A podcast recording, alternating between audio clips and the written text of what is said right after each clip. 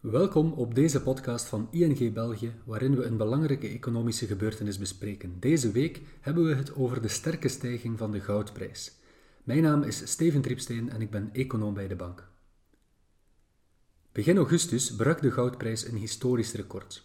De prijs van een ounce goud steeg voor het eerst boven de 2000 dollar. Begin dit jaar schommelde de goudprijs nog rond 1500 dollar. Een ounce is een eenheid die gebruikt wordt om de goudprijs te evalueren en is gelijk aan 31,1 gram. Dit impliceert dat 1 kilogram goud vandaag meer dan 64.300 dollar kost. In euro omgerekend is dat dan meer dan 54.000 euro per kilo. De vraag naar goud gaat vandaag sterk omhoog, terwijl het aanbod op korte termijn stabiel blijft. En dit doet de prijs uiteraard stijgen. Maar waarom stijgt die vraag naar goud vandaag zo sterk? Daar zijn een aantal redenen voor. Ten eerste wordt goud als een veilige haven beschouwd. Indien de onzekerheid in de wereld toeneemt, dan kiezen heel wat investeerders ervoor om goud aan te kopen. Andere activa zijn voor vele investeerders in tijden van grote onzekerheid te risicovol. En vandaag heerst er dan ook heel veel onzekerheid. De wereldeconomie is in een historisch diepe recessie terechtgekomen en de pandemie is nog lang niet onder controle. Dit alles leidt bovendien ook tot geopolitieke spanningen, met name tussen de Verenigde Staten en China.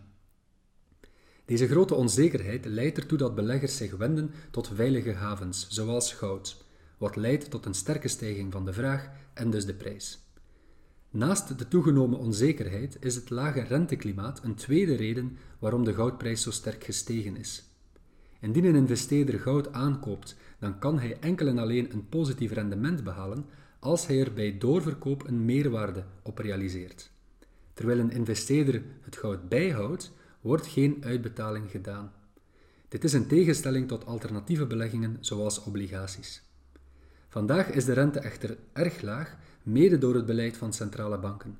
Ze hebben maatregelen genomen om de rente laag te houden, om zo de economie te ondersteunen. Maar dit heeft als bijwerking dat de rente de op overheidsobligaties en bedrijfsobligaties ook zakken.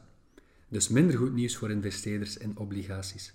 Het feit dat het aanhouden van goud geen uitbetaling oplevert, is daarom vandaag een minder groot nadeel, want de rente op obligaties is erg laag en soms zelfs negatief. De verregaande maatregelen van centrale banken doen bij sommigen ook het vertrouwen in munten zakken. Aangezien ze munten zoals de dollar, euro of yen niet meer vertrouwen, kopen ze in de plaats goud aan. Dit doet de vraag ook stijgen. Een laatste belangrijke reden waarom de goudprijs sterk steeg, is de recente ontwikkeling van de dollar. De dollar is de voorbije weken verzwakt. De munt leidt onder de negatieve ontwikkeling van de pandemie in de Verenigde Staten, de spanningen met China en de nakende Amerikaanse verkiezingen. De dollar en goud worden door grote beleggers beiden als veilige havens beschouwd. Door de huidige zwakte van de dollar ruilen sommige van deze beleggers de dollar in voor goud. Dit doet de waarde van de dollar verder zakken, terwijl de prijs van goud de hoogte ingaat. Dus we kunnen de sterke stijging van de vraag naar goud goed verklaren. Maar minstens even interessant is uiteraard wat we de komende maanden kunnen verwachten met betrekking tot de goudprijs. Dat is een moeilijke vraag. Een eerste mogelijk scenario is dat de verschillende elementen die vandaag zorgen voor een sterke vraag naar goud van, van toepassing blijven en zelfs versterken. Dan kan de goudprijs verder toenemen. Aangezien de pandemie niet onder controle is en het economische herstel volgens ons zeer traag zal verlopen, is het goed mogelijk dat de goudprijs de komende maanden verder zal stijgen.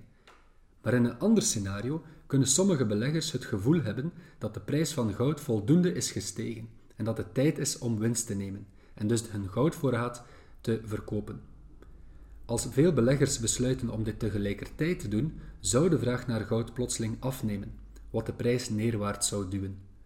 We kunnen dus helemaal niet met zekerheid zeggen of de goudprijs verder zal stijgen of zal dalen in de komende maanden.